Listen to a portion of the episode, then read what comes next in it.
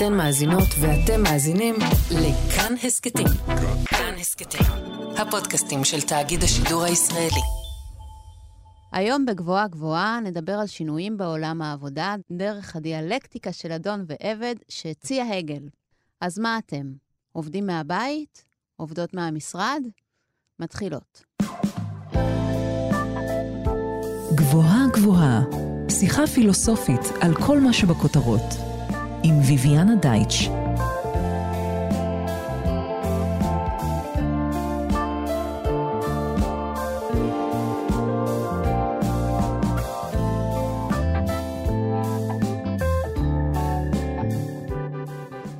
היי, אני ויviana דייטש, אנחנו על גבוהה גבוהה, תוכנית בה מדי שבוע ניקח פיסת מציאות אקטואלית ונפרק לה את הצורה הפילוסופית. השבוע נפנה אל דיאלקטיקת האדון והעבד שהציע פילוסוף פרידריך אגל במאה ה-19, ונחשוב איתה על שינויים שאנו חוות וחווים בעולם העבודה היום.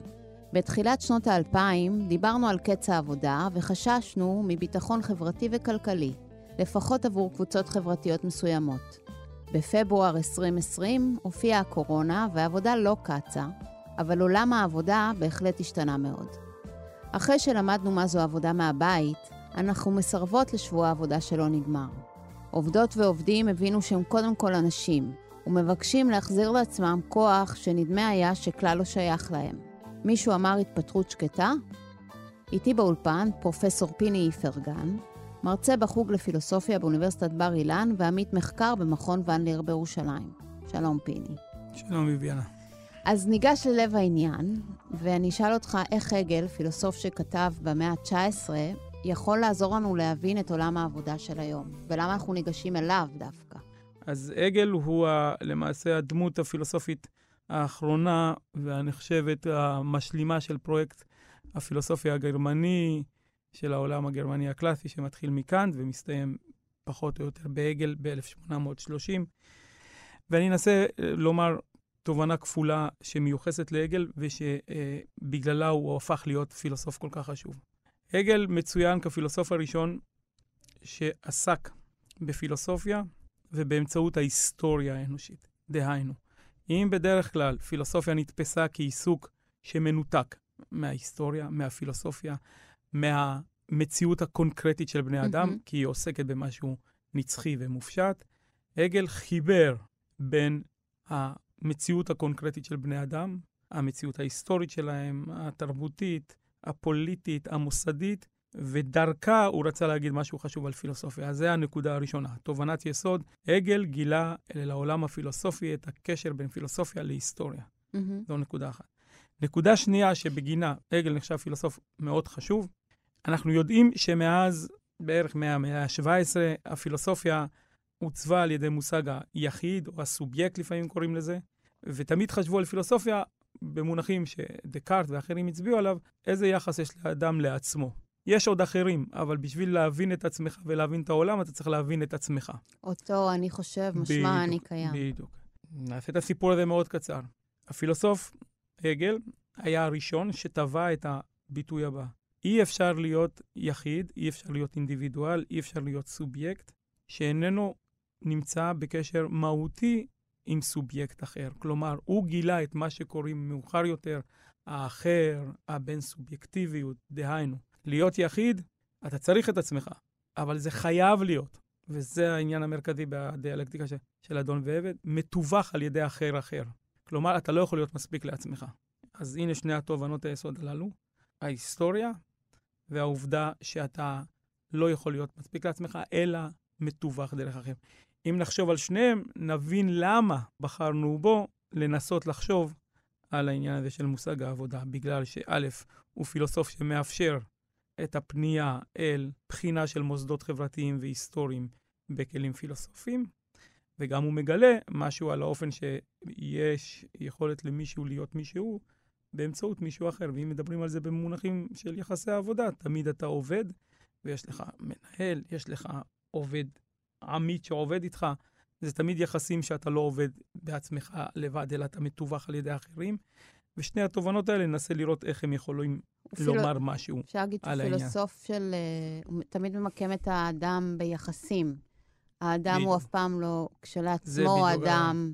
זה- וההיסטוריה זה- הוא וההיסטוריה זה בכלל שהוא בוחן גם מוסדות חברתיים, כלומר, כן, מדינה. אבל הרעיון המרכזי זה, אנחנו לא נדבר הר- הרבה על הראשון היום, אלא נדבר יותר על התובנה הראשונה שקראתי על הקשר להיסטוריה, נדבר על התובנה השנייה, כי שם הגל פורס בפנינו את אותה תובנה חשובה שמבוטאת ברעיון הזה של דיאלקטיקה של אדון ועבד, שתכף ניגע בה. אבל מה שחשוב לי רק לציין, ששני הדברים הללו שמיוחסים לעגל, למעשה הפכו אותו למי שמצוין כהדמות שהובילה את הפילוסופיה לכיוון מסוים שבו התפתחו ממנה מדעי החברה, התפתחו ממנה אה, תחומים השונים שטוענים שאי אפשר להבין את האדם אם אתה לא מבין את ההקשר שבו הוא חי.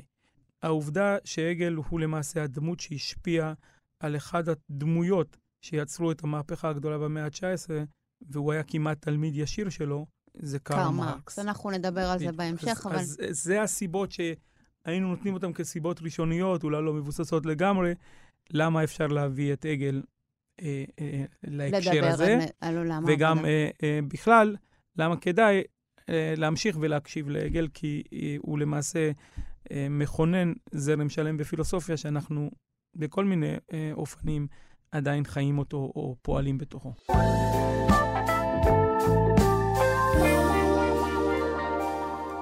כשמדברים על שינויים בעולם העבודה היום, אפשר לראות uh, דיון שהוא אולי בין שני קצוות כזה.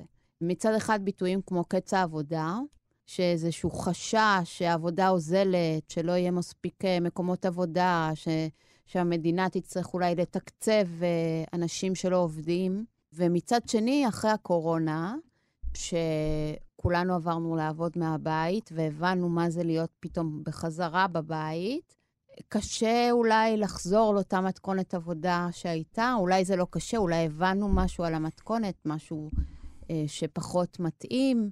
יש ביטויים כמו התפטרות שקטה, שאומרת, אם קודם עבדנו עד תשע בערב, אז היום בחמש אני, די, מספיק. אני, יש לי חיים שהם לא קשורים. יש איזה מיוס משעות עבודה אינסופיות, ואם אנחנו מדברים על שני הקצוות האלה, איך הגל יכול לתרום לנו להבין אותם? מה שאת תיארת לגבי אה, אופנים של שינוי במובן של מושג העבודה, צריך להבין אותו בהקשר רחב, שתכף נראה גם, גם עגל מתייחס אליו, שקשור לדבר הבא. באיזה אופן עבודה היא דבר מהותי לאופן שבו אדם מספק לעצמו משמעות. הגל ומסורת ארוכה לפניו סברה שעבודה היא לא עוד דבר שבו אנחנו מעסיקים את עצמנו. אלא יש לו הקשר משמעות שהופך אותנו למי שאנחנו. כלומר, אנחנו עושים פעולה יצרנית, אומנותית, כל סוג של פעולה שמתורגמת בסופו של דבר לאיזושהי עבודה, זאת אומרת, פועל, עושה משהו, קשור לעובדה שכך אנחנו מקבלים משמעות לגבי היותנו בעלי ערך עצמי, בעלי מובן, כי אנחנו מייצרים משהו שאנחנו רואים את עצמנו משוקפים בו, מקבלים ביטוי דרכו וכו'. Mm-hmm, mm-hmm. ואז הנקודה הראשונה שהצבעת, והיא מעניינת בדיוק בהקשר הזה, הטענה הייתה שבגלל התפתחות כלכלית ובגלל התפתחות טכנולוגית, בני אדם, או האנושות, זקוקה פחות לאנשים שיעבדו. יש מחשבים וברקע- שעובדים, יש יש, מחשבים, רובוטים שעובדים, יש שפע. יש שפע, ובדיוק, ואז הייתה השאלה, אוקיי, מה נעשה, או צריך להגיע למסקנה, שמה נעשה עם העובדה שאנחנו לא צריכים כל כך הרבה עובדים, אבל אם עבודה היא דבר מהותי לכינונו של משמעות של מישהו, אז אנחנו חייבים כל הזמן לספק לכולם עבודה. מה נעשה בלי וה- עבודה? כי אם נעשה משהו בלי עבודה, זה אומר שלא יהיה לנו את המנגנון שדרכו אנחנו חשים בעלי ערך, בעלי משמעות, אפילו במובן הכי פשוט, סדר יום. תחשבו על אנשים שאין להם שום סדר יום שבתוכו יש את המרכיב שהם עובדים עבור מישהו, עבור משהו וכולי. זה נראה כאילו שהיום שלהם מתרוקן מיכולת שלהם להרגיש שהם עשו משהו בעל ערך. אז האיום הגדול הזה על קץ העבודה היה ניסיון להגיד, תשמעו, כנראה אנחנו צריכים לחשוב על איזושהי שיטה אחרת, כי אנחנו לא נוכל לספק לכולם עבודה. זה התחיל מעובדה קונקרטית, שאין מספיק מקומות עבודה לכולם, וזה יקרה, כמובן, זה עדיין לא הגיע לעולם הם, הלא מערבי, אבל בעיקר דיברו על זה במקומות באירופה, שיכול להיות שצריכים לתת לאנשים קצבה קבועה, מה שנקרא הכנסה קבועה, והם לא יצטרכו לעבוד, ובהכנסה הזאת הם ימשיכו לגלגל את המערכת הכלכלית וכולי. אבל אז הם שאלו, אבל אז מה ייתן לו משמעות? הוא לא רופא, הוא לא, אני לא יודע, מורה, הוא לא בנאי, הוא לא, מה הוא יעשה? ומה שמעניין במה שאת מתארת, שאחרי שהיה איזה איום גדול סביב זה, וניסו לחשוב מה אפשר יהיה לעשות עם זה, את מתארת איזו מציאות אחרת, יותר מאוחרת, שבה לא הרבה שעוב... יותר מאוחרת. לא. הרבה יותר מאוחרת, כן. שדווקא אלה שעובדים, ואני חייב לציין, כנראה עובדים בתחומים מאוד מסוימים, חשים שהעבודה מקלה את חייהם ושאין להם אפשרות לביטוי עצמי אחר מלבד זה שבעבודה, ולכן דורשים מהם להישאר המון המון שעות וכולי, והם חשים נמחקים על ידי העבודה. זה מעניין מה שאתה אומר, אה, קבוצות מסוימות, כי אם אנחנו מדברים נגיד על התפטרות שקטה, זה בסך הכל אנשים שהעבודה שלהם אה, מקלקלת אותם מאוד יפה. הם מרוויחים הרבה כסף, בשורה התחתונה, ואין להם את הפנאי ליהנות מהכסף. אם, ומה אה, שדיברנו קודם זה ההפך. אה, זה אולי לשכבות שלא מרוויחות הרבה כסף. העניין הזה של ההתפטרות השקטה בא ממרכיב מסוים בחברה, בעיקר, אני מקווה שאני לא טועה, אני לא מומחה לזה, אה, של קשור לעניינים של חברות הייטק, שבו יש תביעה שאתה תהיה מחויב לגמרי כל השעות באופן מלא, כי אתה חלק מאיזשהו פרויקט ואתה חש שזה מוגזם, ואז אתה לא רוצה אה, לקום וללכת אולי בגלל התנאים הטובים שמספקים לך, או שאתה מרגיש שהדבר הזה נותן לך המון דברים שחשובים לך, אבל אתה מחפש דרך איכשהו לרסן את זה. כלומר, אנחנו, מה שהצבענו על זה, שלגבי העבודה תמיד יש את היחס הכפול הזה. מצד אחד, ברור שהעבודה היא מרכיב חשוב בחיים משמעותיים עבור בני אדם. מצד שני, יש כאלה שיטענו שיותר מדי עבודה, או עבודה, כן. רק עבודה, מכלה אזורים אחרים של פעילות אנושית. והמתח הזה הוא מתח שקיים, ואני חושב שאת צודקת שזה שלוי את מי אתה שואל. אני לא בטוח שמישהו צריך לעבוד בבניין 16 שעות, או במפעל שעושה עבודה מנקרת במשך, אני לא יודע מה, 18 שעות. יחשבו באופן דומה על העניין הזה של מה עבודה עבורם, וגם אה, יחשבו על האופן שבו כמה העבודה מספקת להם משמעות או לא, באופן שונה. אז יש פה משהו שהוא הרבה יותר מרובד, אבל עדיין זה אומר שעבודה ככזאת היא מרכיב מאוד מאוד מרכזי במתן משמעות לחייהם של בני אדם. והעובדה שהאיום הזה עולה עכשיו במה שהצגנו, או שאולי לא נוכל לתת להם עבודה, אבל מצד שני יש לנו צד אחד שאומר, אני מתכלה רק בעבודה, היא מעניינת, היא פשוט משהו שצריך לתת עליו את הדעת. אז אמרנו הגל, דיברנו על הגל בקונטקסט, דיברנו עכשיו קונטקסט עכשווי. עכשיו בואו ניכנס ללב העניין ונדבר על הדיאלקטיקה הזו של אדון ועבד. תסביר לנו אותה, בדיוק. בבקשה. עכשיו, קודם כל חשוב לי לציין שהדיאלקטיקה הזאת של אדון ועבד זה פרק בתוך אחד הספרים הכי חשובים שהגל כתב, אה, שהתפרסם ב-1807 ונקרא הפנומנולוגיה של הרוח. אז אני רוצה להתחיל בעניין הזה של תלות ואי-תלות. ולהסביר איך זה יתגלגל אצל עגל אה, לעניין הזה של אה, הדיאלקטיקה של אדון ועבד. הרעיון מתחיל באופן פשוט בדבר הבא. אנחנו יחידים. אני פיני, את ויביאנה. חן, יש... טכנאית השידור חן, פה. חן, טכנאית השידור, אם את רוצה. וכל אדם, יש לו שאיפה. זה לטעת עגל, לא חייבים לקבל אותה. השאיפה היא לנסות להיות בלתי תלוי. כלומר, להיות כזה שקובע את כל הדברים לגבי מי שהוא, באופן שאיננו נצרך לאף אחד מלבדו. אוטונומיה. לגמרי, מוחלטת. זה מה שאתה רוצה. כדי להשיג את זה, בדרך כלל כשאתה בסביבה שבה, תקראי לזה, אין לך מתחרים, אתה פשוט, העולם נמצא לשירותך, ואתה יכול עכשיו לצרוך אותו. תחשבי איזה מין אדם נמצא באיזה מקום כזה ש... אין בו אנשים נוספים, מין רובינזון קרוזו כזה, הכל נגיש לו, הוא רוצה לאכול, הוא לוקח מה שגדל שם. מה קורה שמופיע בתוך האופק שלך עוד מישהו כמוך? כלומר, עוד מישהו שמה שמניע אותו זה הרצון שלו להיות בלתי תלוי כמוך. כלומר, יש יחיד, יש בני אדם, בן אדם. הוא רוצה להיות בלתי תלוי, ויש ערך באי תלות. אתה לא זקוק לאף אחד, אתה מספיק לעצמך, מופיע מישהו אחר. ברגע שהוא מופיע, והוא בעל תודעה עצמית כמו שלך, אז כמובן הוא לא יתנהג כמו שהתנהגו המים והדברים שגדלים ביער שאמרנו, הם לא אובייקטים. אתה תרצה להגיד לו, לא, עכשיו אתה תתחשב במה שאני רוצה. אתה צריך לפנות אליו, לבקש ממנו. אז מה קורה ברגע שאתה צריך לבקש ממנו ולפנות שתי אליו? תודעות. יש שתי שתי תודעות. שתי תודעות, ואתה מרגיש עכשיו שאתה תלוי במישהו. למה, מסתכל. אגב, אני- אני מרגישה שאני תלויה במישהו פתאום? תחשבי על סיטואציה מאוד פשוטה שאת רוצה מה- משהו, וגם הוא רוצה. אז, שנינו את, רוצים, אז, אה, אז הוא, אז, כן. או יש משהו, נניח אתה רוצה ממנו, אני רוצה אותך. הוא אומר, לא, אני לא רוצה עכשיו שאתה תהיה איתי. אני מסרב לך. העניין הזה שמשהו סירב לך, מביא לעובדה שעכשיו אתה לא תל, בלתי תלוי כמו שהיית, Mm. כי הכל היה ניתן לך. אז אם אני אסכם את זה, היית לבד, גילית שיש עוד מישהו. היית לבד שאהבת את העובדה שאתה חופשי ובלתי תלוי, גילית את העובדה שיש מישהו כמוך שמגביל אותך, בסדר? או שיכול להגביל אותך. אתה רוצה לחזור למצב שאתה בלתי תלוי. אבל גם השני רוצה אותו דבר.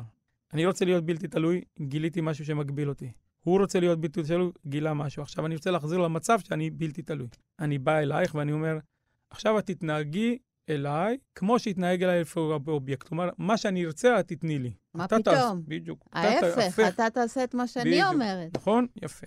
אז עכשיו אנחנו נכנסים לאיזשהו קונפליקט בינינו.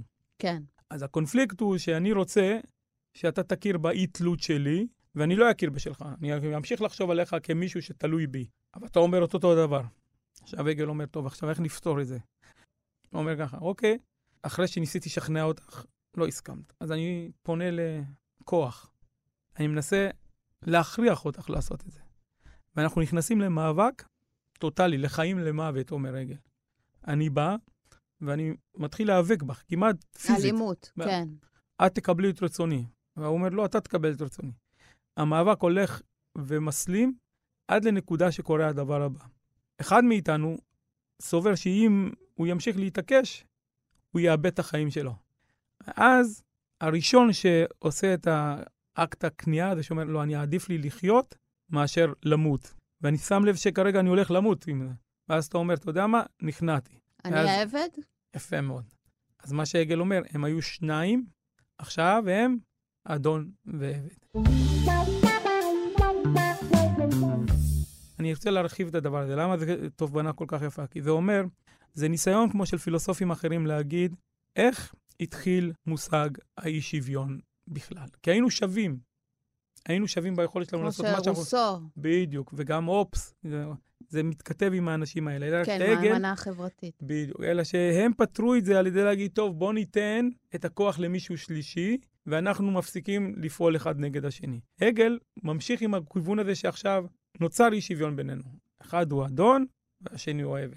עכשיו, הדבר שהפך את הדבר הזה כל כך מעניין עבור הרבה אנשים, שאם נחשוב על זה, גם יחסים אנושיים בכלל, יחסים אינטימיים, כל מיני יחסים בין בני אדם, הם המאבק הזה בין תלות לאי-תלות, בין עצמאות לתלות באחר. והמאבק המתמיד הזה, תמיד יש לו את הקונפליקט הזה שבו אתה אומר, טוב, אם אתה תכיר בעצמאות שלי, אז אני ארגיש טוב עם עצמי שאני בלתי תלוי, אבל אני לא מוכן באותו אופן, כי אם אני מכיר בשלך, אני אומר שאני פחות, אני עוד פעם תלוי, כי אני צריך להודיע לכך שאני מכיר בצורך שלי בך. עגל קורא לזה הכרה הדדית. כלומר, זה לא מספיק שאני מכיר שביביאנה יושבת פה. מה שאני רוצה שביביאנה תכיר בי. היום היינו, תאשר אותי, אם את רוצה, במונחים של פייסבוק. כלומר, הנה אני, אם אתה לא מאשר אותי ולא מספק לי חברות, אז הנה, אז אני לא הכרת אותי, נכון? כן, אז היחסים האלה של הכרה הדדית, זה המתח המס... הבסיסי עכשיו שמניע את ה... מה שהוא קורא הדיאלקטיקה בין שני הנבדלים האלה. אגב, האדון כן. גם חייב לקבל את ההכרה של העבד בשביל... עכשיו אנחנו, עכשיו, עכשיו אנחנו עוברים לשלב להסתכל על הפרובלמטיות שקורית אחרי זה. מה שתיארנו רק עכשיו, היינו שני שווים, נכנסנו לקונפליקט, אחד נכנע, התחילה ציוויליזציה שבה יש אי שוויון, אם תרצה. מהמם. מה יהיה השוויון? אחד אדון, השני אבן. עגל אומר ככה, אוקיי, בואו נסתכל מה קורה איתם עכשיו. ואחד הדברים שנחשב תובנת היסוד המעניינת של הדבר הזה, שעל פניו אמרנו שמי ניצח? אותו אחד שהיה מוכן לסכן יותר, והפך להיות אדון. וזה שלא היה מוכן לסכן, נהיה עבד. עכשיו עגל יהפוך לנו את זה ויראה לנו שבסופו של דבר, מי שנדמה שניצח, הפסיד. למה? עכשיו זה הדבר המעניין, ותכף נראה איך זה קשור. העבד. העבד. ואיך זה קשור למושג העבודה. אז אני אדון, ואני עכשיו השגתי את האי-תלות שלי, ויש את העבד. העבד מסתכל על האדון כמי שהוא מישהו שהוא מכבד מאוד וכולי. אבל כמובן, האדון לא יכול להסתכל ככה על העבד, כי הוא לא מעריך אותו, כי הוא בשבילו כמו האובייקט שהיה קודם. אז האדון נתקע כי אין מישהו שיכיר בו, אין מישהו שיגיד, אתה אדון. אם אני לא מכירה בעצמי, במי שמכיר אותי, אתה יודע שהוא יהיה בעל אותו ערך. אז אני לא קיבלתי ערך. בדיוק. אבל הוא לא יכול לקבל אותו ממנו. הוא יכול, כי האדון, הוא מסתכל עליו, יודע שחייו תלויים בו, הכל בסדר. אבל הוא נשאר עכשיו בבדידותו, שאין מישהו שיכיר בו. אבל העבד נמצא במצב אחר, כי העבד עכשיו צריך לשרת את האדון. ומה עושה העבד? הוא צריך לספק את צרכיו של האדון. אז בא העגל ואומר, הוא הולך ועובד ומייצר את הדברים שבאמצעותם הוא יספק את השירות לאדון. במושג הסיפוק העצמי הזה שהוא עושה על ידי העבודה, הוא ממשמע את עצמו ומקבל הכרה דרך הפעולה הזאת של העבודה. אז יצא שהעבד, נוצרה לו סיטואציה שבו הוא יכול לקבל משמעות שעכשיו נמנעת מהאדון. אז השאיפה להכרה זה, זה שאיפה לאי בדידות? לא, זה קשור לעובדה הבאה. אחד הגילויים המרכזיים של הגל, מה זה אומר להיות בעל תודעה עצמית? ואת אמרת יפה, דקארט, אני חושב, משמע אני קיים, אני לא זקוק לאף אחד. מה שהדגמנו כאן עכשיו, זה שהגל התחיל מזה שיש אחד כזה, הופיע מישהו אחר, ואני רוצה לחזור למצב שכמו של הסיפור של דקארט, שאני לא תלוי באף אחד. אבל הכרתי בעובדה שיש כבר מישהו אחר, אז המישהו הזה צריך להכיר בעובדה שאני בלתי תלוי. אם הוא לא יכיר בזה, אני לא אוכל למצוא, כי אני אדע שהוא תמיד שם. הוא תמיד יסתכל עליי משם ויגיד, כן, אותו לא שכנעתי שאני בלתי תלוי. והמבט שלו יישאר תמיד ככזה שבו אני זקוק לו כדי לקבל את המשמעות. ולכן, הסיטואציה החדשה שמתאר רגל היא סיטואציה שאומרת את הדבר הפשוט הבא. אנחנו לא יכולים להיות מספיקים לעצמנו. אבל עשינו את המאבק כדי לנסות לשחזר את זה, שאנחנו עוד פעם מספיקים לעצמנו. ואז מה הגענו? הוא מוכן לשרת אותי. ואני עכשיו מספיק, אני לא צריך אף אחד כביכול. כי העבד עושה את זה כי הוא הפסיד במאבק בינינו. אז אבל מה קורה באמת? מה שקורה באמת זה שהאדון, אחרי שהוא ניצח בקרב, יש מישהו שהוא לא מעריך כמשהו שיכול לספק לו הכרה. אז הוא נשאל עוד פעם לקוד שאין לו את ההכרה שהוא צריך. אבל יש את האיש הזה שם, אבל את העבד. אבל העבד, הוא זקוק עכשיו לפעולה מסוימת, שדרכה הוא יכול לספק את הכרת האדון. מה הפעולה שהוא עושה? הוא עובד על הטבע, הוא עובד באיזשהו מקום כדי לספק את הצרכים האלה. העבודה הזאת שהוא עושה, היחס שלו אל העולם החיצוני הזה, mm-hmm. דרך מושג העבודה, נותנת לו משהו שנותן לעצמו משמעות. ואז עגל אומר, אתם רואים מה קרה? זה שהפסיד, ניצח, כי הוא יש לו הכרה דרך האובייקט הזה, ודרך גם זה שהוא מסתכל על האדון כמישהו שברגע שהוא מביא לו את הדבר הזה, הוא מאשר אותו. הוא אומר לו, אה, הוא הביא לי את זה. הוא מסתכל עליו כאיזה משהו שנישא מעליו, והוא רוצה את אישורו של האדון. אז עגל רק אומר, שימו לב מה קרה, מעניין פה. עכשיו, מה שעגל הראה בדבר הזה, הוא לא הצליח לפתור את זה. הוא הראה לנו קונפליקט מתמיד אצל בני אדם, שאנחנו צריכים להכיר בעובדה שיש לנו שאיפה מתמדת להיות בלתי תלויים, אבל אנחנו תמיד תלויים. והשאלה המרכזית תהיה, האם אנחנו צריכים למצוא מערכת אנושית בינינו, שבאמצעותה אנחנו יכולים להכיר ולהיות מוכרים בו בזמן. זה מה שאנחנו מחפשים עד היום כל הזמן, מערכות פוליטיות, מערכות חברתיות, שמצד אחד אנחנו מודעים לעובדה שאנחנו נמצאים בהן, ואנחנו מחפשים בתוך המערכת הזאת עדיין להיות גם בלתי תלויים. במובן הזה, עגל שרטט מאוד מוקדם את אחד הדילמות היסודיות של החיים המודרניים. כמו כן. שכן, מנהלות ומנהלים, תמיד אומרים כמה הם בודדים בראש הצמרת. בדיוק, אה... בדיוק. אף אחד לא מכיר אותם. המנה... זו דוגמה טובה שהיא מחזירה אותנו לעולם העבודה. הגל חשב שהעבודה, או הפעילות של העבד, שחררה אותו למעשה, דווקא דרך העבודה, ונתנה לו משמעות שלא הייתה לו לפני כן, וסיפרה לו משמעות. אז זה אומר שהעבודה היא דבר מרכזי בכינון הזהות העצמית שלנו, ומי שהפילוסוף הראשון שבכלל הצביע על זה, זה הגל, אבל הוא כן הותיר אותנו, וזה גם קשור לעניין הזה של מה שאמרת בפתיח, שהאופן שהעבודה הזאת יכולה מתגלמת דרך יחסי כפיפות אל מול מנהל, מול. לא יודע מה, בעל החברה וכולי, מקבל תעד גם אצל עגל. זה אומר עכשיו, למי יש שם את האחריות הכבדה יותר? האם לבעל החברה, שצריך להשיג את האמצעים כדי שהיא תתקיים, או לעובד שצריך עכשיו למצוא את היכולת שלו להיות בלתי תלוי בבעלים על מנת למצוא איזשהו מקום שהוא לא נמחק לגמרי לתוך העבודה הזאת. אז את רואה שהמתח הזה חוזר. איזשהו איזון בין... בין אה, שני הדברים הללו כדי כן. להגיע לסיפור הזה של הכרה עצמית. אז אני אומר, אה, אה, עוד פעם, אני לא הייתי רוצה לקשור את זה אחד על אחד. אני, אנחנו השתמשנו בעגל כדי להגיד שהעניין של העבודה הוא יסודי מאוד לאופן שבו אנחנו תופסים איך התכוננה תודעה עצמית בכלל, אבל בהקשר של אדון ועבד, היא גם משמרת קונפליקט שאנחנו מוצאים אותו לא רק בעניין הזה של ההתפטרות השקטה, אלא גם בעניין הזה של אמרנו, של אוזל את העבודה. אז עגל נותן לנו איזה הקשר שבו אנחנו מבינים למה זה כל כך דרמטי וכל כך חשוב.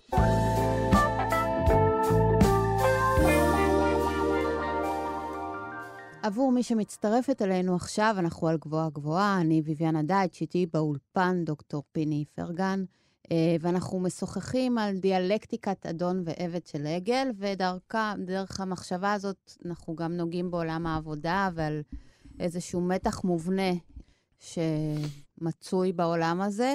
רצית להגיד עוד משהו בהקשר הזה. רציתי להגיד שמי ש... אולי זה יישמע, כל העניין הזה של הדיאלקטיקה של אדון ועבד יישמע קצת אה, עניין מופשט. ברור שאם זה היה נשאר רק בגרסה של עגל, אולי זה היה נשאר איזה חומר לפילוסופיה. אבל מי שלקח את זה והפך את זה למשהו שאנחנו מכירים טוב, והפך להיות משהו מרכזי, זה כמובן מרקס, והאופן שבו הוא לקח את הדבר הזה ויצר סביבו תיאוריה שלמה, והחשיבות הזאת של יצירתו של מעמד חדש, הפרולטריון, העובדים, ומה שמאפיין אותם זה בדיוק העובדה אה, אה, של איזשהו קשר ליחס שלהם אל תוצר עבודתם וניכור וכולי. אז, אה, אז איך מרקס מ- משתמש בדיאלקטיקה לא, הזו של אז- עגל? לא, רציתי רק לטעון שאם מישהו רוצה לראות את ההרחבה של זה, שמושג העבודה הופך להיות מאיזה רעיון ראשוני שמציע עגל, להופך להיות רעיון מרכזי בתיאוריה שלמה, ומרקס אומר את זה מפורשות, שהוא לקח את זה מעגל, והבין את זה כמציאות, המציאות החדשה שנוצרת מאז המהפכה התעשייתית, יצירתו של מעמד חדש, אותו מעמד פרולטריון, שמה שמאפיין אותם זה האפיון המרכזי סביבו, זה העובדה הזאת ש... הוא כבר ממצק את זה ליחסים, ליחסים חברתיים מאוד חברתיים, קונקרטיים, בדיוק. שבהם יש... אה, אבל זה אותו רעיון, זה מה שאתה... אותו רעיון. בדיוק. אז בוא אנחנו נישאר לא... בעגל. בדיוק, אנחנו נש- לא... כי אחרת זה ייקח אותנו רחב מדי. אז בוא נישאר עם עגל. אוקיי. אז אמרנו שנוצרת איזושהי אה, דיאלקטיקה שמבחינת אה, הניצחון שבהכרה, העבד כביכול נכון. ניצח, בדיוק. ומה הוא אומר לנו? עגל עצמו לא ממשיך את העניין הזה, אלא הוא, מבחינתו הוא הציב את השאלה שאומרת את הדבר הבא שאמרתי בסוף דבריי. הדיאלקטיקה של אדון והעבד הראתה שאנחנו תמיד נמצאים ביחס כלפי מישהו אחר. אנחנו מכירים, אבל גם דורשים הכרה. ושזה מאבק מתמיד. אנחנו תמיד נמצאים במאבק מתמיד בינינו, וזה יכול להיות בינינו, ביני לבין אדם אחר, זה יכול להיות ביני לבין מוסד חברתי, ואנחנו תמיד במערכת מתמדת של רצון להיות לא רק מי שמכירים, אלא להיות מוכרים. מבחינתו של עגל זה מה שהוא הדגים שם. אנחנו רצינו למשוך את הנקודה הספציפית הקטנה, שקשורה לאופן שבו מושג העבודה נולד שם, אל הדיון שלנו. מושג התשוקה מאוד מרכזי. ב- נכון. התשוקה כשהתחלת- להכרה. בדיוק. כשהתחלנו את הדיון, אז הייתי חייב לבחור איזה נקודה ממנה להתחיל. אבל עוד פעם, מבלי להיכנס יותר מדי לעניין של היסטוריה של פילוסופיה, ברור שעגל מתחיל את כל הסיפור הזה שסיפרנו עם שני אנשים, עם אדם שהוא בראש ובראשונה לא יצור מכיר, אלא יצור של תשוקה. מה זה אומר שאני יצור של תשוקה? אני עכשיו רעב, או אני עכשיו כמה למשהו, אני לוקח אותו. אני משתוקק אליו ואני לוקח אותו. ובראש ובראשונה, אני יצור שרוצה לממש תשוקות שלו. ברגע שאני מממש את התשוקה הזאת, אני מגיע למצב של איזון, עד שזה עולה עוד פעם. וזה ככה חוזר. זה גם ברמה הכי פשוטה, צרכים פיזיים, קודם פשוט- כל. בדיוק. אוכל, ואז עגל חום. טועה, בדיוק, ואז עגל טועה, מתי היה הפעם הראשונה שיש נפרדות כזאת, שאני מבין עכשיו, שאני לא רק צורך את התפוח, אלא אני גם נהנה מזה. נוצר המרחק הראשוני. אז יש לך עולם שבו הכל מתחיל מתשוקות, עובר לתשוקה, שכבר נמצאת במרחק מסוים אל מול האובייקט, הדבר שהיא רוצה אותו, ואז הגיעה העובדה שמגיע מישהו בעל תשוקה דומה, ואז התשוקות שלנו אה, נמצאות בקונפליקט, ואז מתפתחת הסיפור הזאת של הדיאלקטיקה של אדון. ומה שאני רוצה ממנו, להיות מוכר מבלי לספק לך הכרה. למה? כי יש ערך באי-תלות הזאת. אני חושב שאני רוצה להיות בלתי תלוי. אני לא רוצה להיות תלוי במשהו. והדבר הזה מוביל אותנו למה שתיארנו, של המאבק וכולי וכולי. אז אני חוזרת לקונקרט, ואני אומרת, אוקיי, אני בת 26, פעם, עשיתי בית ספר, עשיתי כנראה צבא, mm-hmm. נסעתי לטייל, חזרתי, עשיתי תואר ראשון, ועכשיו אני יוצאת אל עולם העבודה. בואו נציב את הדבר הזה בתוך בן אדם שעכשיו או יוצא או מצוי בעולם העבודה. מה זה אותה תשוקה? מה זה אותו רצון בהכרה? בואו נמקם את זה בצורה יותר מציאותית. לא, אז אני אומר, האופן... אני צריכה כסף, נכון? כיום. זה הצרכים, זה ברור. אנחנו עובדים בגלל שני מאפיינים מרכזיים. העובדה שזה מאפשר לנו את האמצעי מחיה כדי להתקיים, אבל יש לנו צד אחר של זה. משמעות. חושב, משמעות. זה, זה המתח, וזה מה שהיא ראה יפה, הדיאלקטיקה של האדון ועבד. אתה, יש לך כורח לעבוד, כי אתה צריך לספק את האדון אחרי שהפסדת בקרב מולו, נכון? ובו בזמן, אתה מספק את זה, אבל בו בזמן, העבודה הזאת נותנת לך משמעות של מי שאתה, אותו אחד שמספק את צרכיו של האדון. וזה שני דברים שנמצאים יחד. עכשיו, מהתופעה שאת העלית, ומה שהתחלנו איתה את הדיון הזה, אומר את הדבר הבא. האם יש איזו נקודת איזון כזאת שבה את מבינה שאני צריכה עבודה עד מינימום אפשרי כדי להתקיים? והשאלה הזאת של העבודה הוזלת נגעה בדיוק בזה, כי מה היא אמרה? היא אמרה, אם אנחנו לא יכולים לפתח מספיק מקומות עבודה לדורות הבאים... מה נעשה? איך הם, איך הם יספקו... לא, לא, עוד לפני. איך הם יספקו את הצרכים שלהם. כי את, כרגע המערכת עובדת שאומרת ככה, הצרכים הם, המשאבים הם לא בלתי מוגבלים, אתה עובד, מקבל שכר, ועם השכר הזה אתה קונה את המשאבים שמאפשרים לך להתקיים. אבל אני לא יכול לתת לכולם את האפשרות, כמו שאמרת, סיימתי צבא, אני כבר לא עם ההורים שלי, אני צריך עכשיו להיכנס למערכת שאני מייצר את, המש... את, את, את, את המשאבים להמשך קיומי. Mm-hmm. ואז עלתה הבעיה, מה יהיה שאנחנו לא צריכים כל כך הרבה כוח אדם? מה נעשה? עכשיו, זה ברמה, כמו שאמרתי יפה, הקונקרטית. ואז עולה השאלה שם, ניתן לך קצבה קבועה, הכנסה, הכנסה מובטחת. עכשיו באה המשמעות. ואז באה המשמעות. ומה שיפה, ואז הוא אומר, טוב, אבל מה אני אעשה עכשיו בבוקר? מה, אני אקח את הכסף הזה ויגלגל את המערכת הזאת על ידי זה שאני אקנה את המוצרים שקצת אנשים מייצרים וכולי. אבל איך אני אתן, אקבל את המשמעות הזאת, שראינו יפה באדון ועבד, שהיא מחוברת יחד. אתה מספק צרכים ומשמעות. אבל את הצבעת לי על כיוון אחר, של אזורים מסוימים אנושיים, שהם חשים שאותו דבר שאמור לספק את הצרכים שלהם, גובה מהם מחיר, או מוחק אותם לגמרי, כי מה שנתבע מהם על מנת לקבל את זה, הוא לגמרי להיות רק במסגרת העבודה, להיות רק ממוקם באזור של חיי העבודה. ולכן הם באים ואומרים, טוב, אני לא יכול לוותר על מה שזה נותן לי, את המשאבים, כי אני צריך לחיות, כי אני צריך לשלם שכר דירה וכולי. אז מה אני אעשה? אני אבחר בעצמי לעשות פחות. אני לא אתפטר, וזו ההתפטרות השקטה. מה אני אעשה? אני אעשה, הוא ביקש ממני 20 משימות, אני לא אגיד לו כלום על זה. אני אעשה 17. אני לא יוצא מהמערכת, אלא אני בתוך המערכת מחפש דרך להקטין את העומס הבלתי נסבל הזה. עכשיו, מה זה, מה זה אומר לדיון הזה שעשינו כאן? תראי איך הקונפליקט הזה מקבל כל הזמן צורות מעניינות. אני זקוק לעבודה, מהצד של מה שאמרת אמצעים ומהצד של משמעות. אבל היא הולכת ונהיית עכשיו כזאת שמוחקת את היכולת שלי להיות מישהו שמקבל את המשמעות ממנה, אלא היא מוחקת אותו לגמרי כי היא רק עבודה. אז מה אני אעשה? אני לא אעשה מהפכה, אני אקטין את הדבר הזה שלי. עכשיו, אני רק רוצה להגיד, התופעה הכפולה הזאת שחשש שלא נוכל לספק עבודה, והחשש שהעבודה שאנחנו מספקים תהיה כזאת שתמחוק אותם, זה הדבר שאנחנו נמצאים בו. אני רוצה דווקא ללכת לקצה השני שדיברנו mm-hmm. עליו, של קץ העבודה. כן. שנגיד, אה, שגם, אני מניחה שזה נכתב במדינות... אה, שיהיה... בדיוק, אירופאיות. אין, אין, אירופאיות, שיש להם את המשאבים לעשות את זה.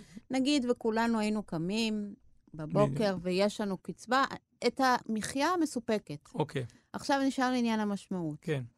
עכשיו, אם אנחנו מדברים על עניין המשמעות, למה המשמעות חייבת להיות מעורבת בכלכלה? למה המשמעות לא יכולה להיות לתרום לחברה שלא באמצעים שאני אה, מקבלת עליהם תמורה כספית, כי הכלכלה שלי מסופקת. למה. זה מחויב? מה שאת אומרת עכשיו זה בדיוק אחת הסיבות שבחרנו את עגל. עגל נותן מודל אחד של האופן שבו דרך המשמעות שלנו מתווכת דרך עבודה.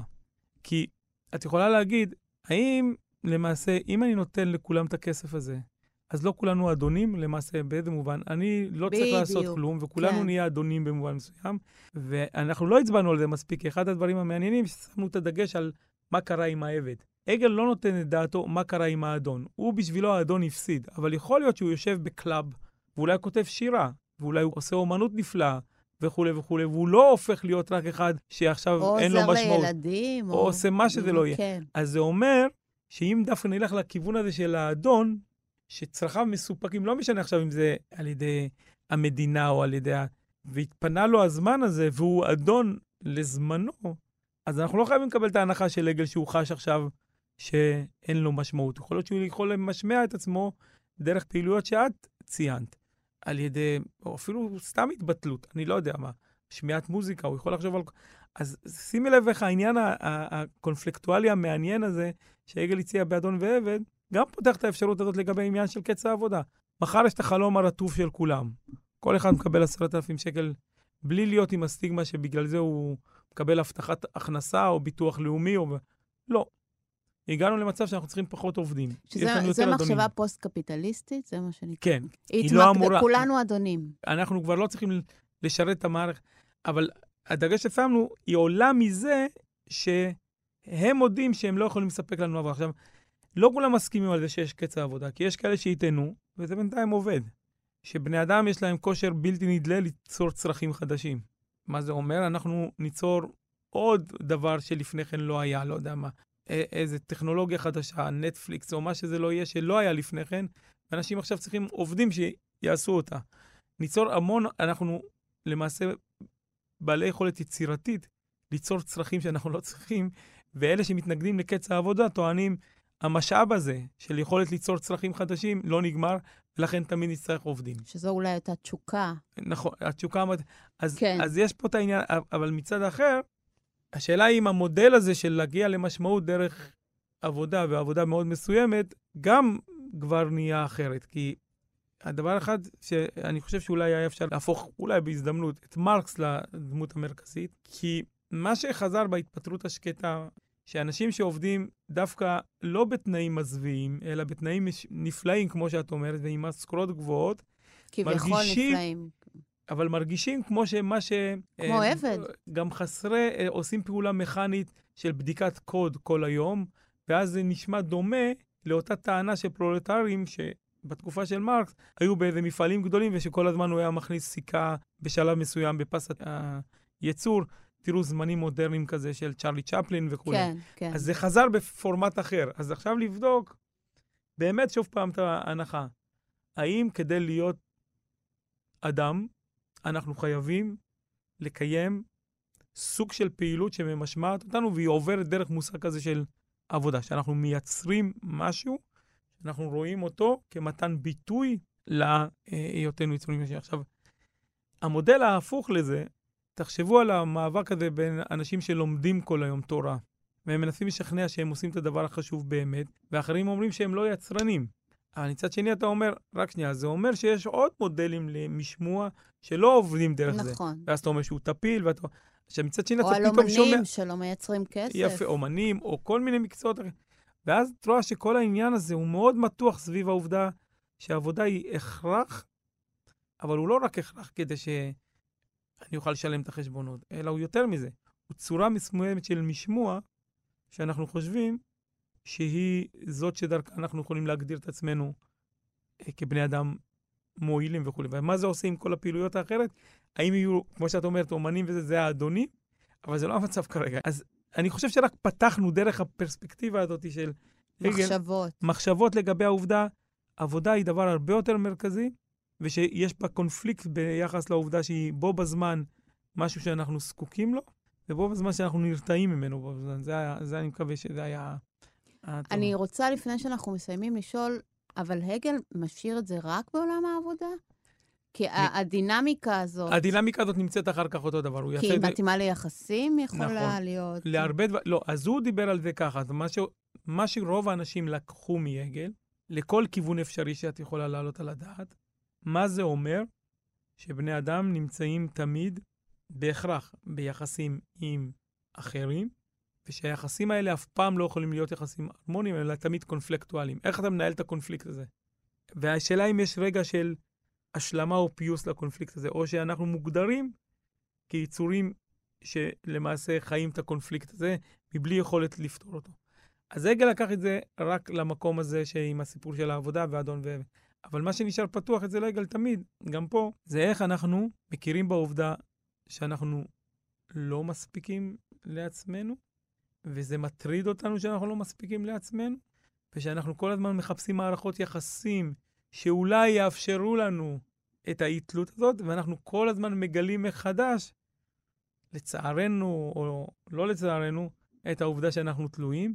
ויכול להיות שיגל אומר, יש כמה מכם שמצליחים, למשל מושג האהבה מבחינתו, יהיה מושג שבו אנחנו יכולים להתגבר על הדבר הזה, כי אהבה... נכון, אבל יש, במושג האהבה אולי יש איזה, כל הזמן איזה חילופין בין מי האדון ומי יפה, העבד. יפה, אז המשחקים... ואולי ב... ביחסי עבודה זה יותר ברור מי האדון ומי נכון, העבד. נכון, אז, אז לפעמים הוא חושב על זה במונחים של אהבה, כי זה להיות אני באחר, ואז העובדה שהוא בתוכי ואני בתוכו, השלים את הפרויקט הזה, אבל...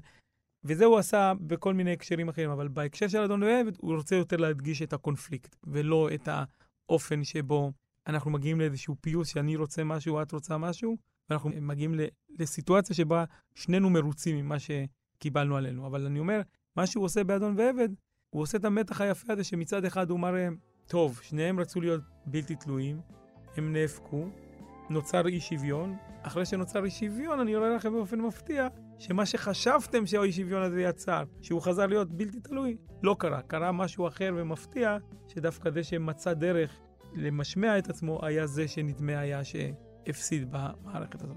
והיום ה... מה שאנחנו רואים, ומעלה את הסימני שאלה שאנחנו מסיימים איתם את התוכנית, זה האם העבד נשאר עבד, או שיכול להיות שיש עכשיו איזשהו מעבר של פחות ופחות עבדים, ואולי ההתמקדות עכשיו צריכה לחש... אה, להיות ב...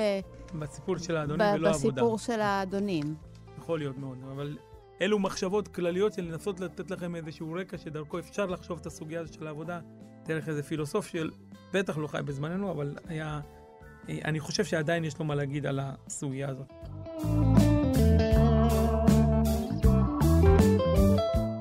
פרופסור פיני פרגן, אה, תודה רבה לך על השיחה הזו. אני ביביאנה דייטש, תודה רבה גם לחן עוז, טכנאית השידור שלנו כאן באולפן.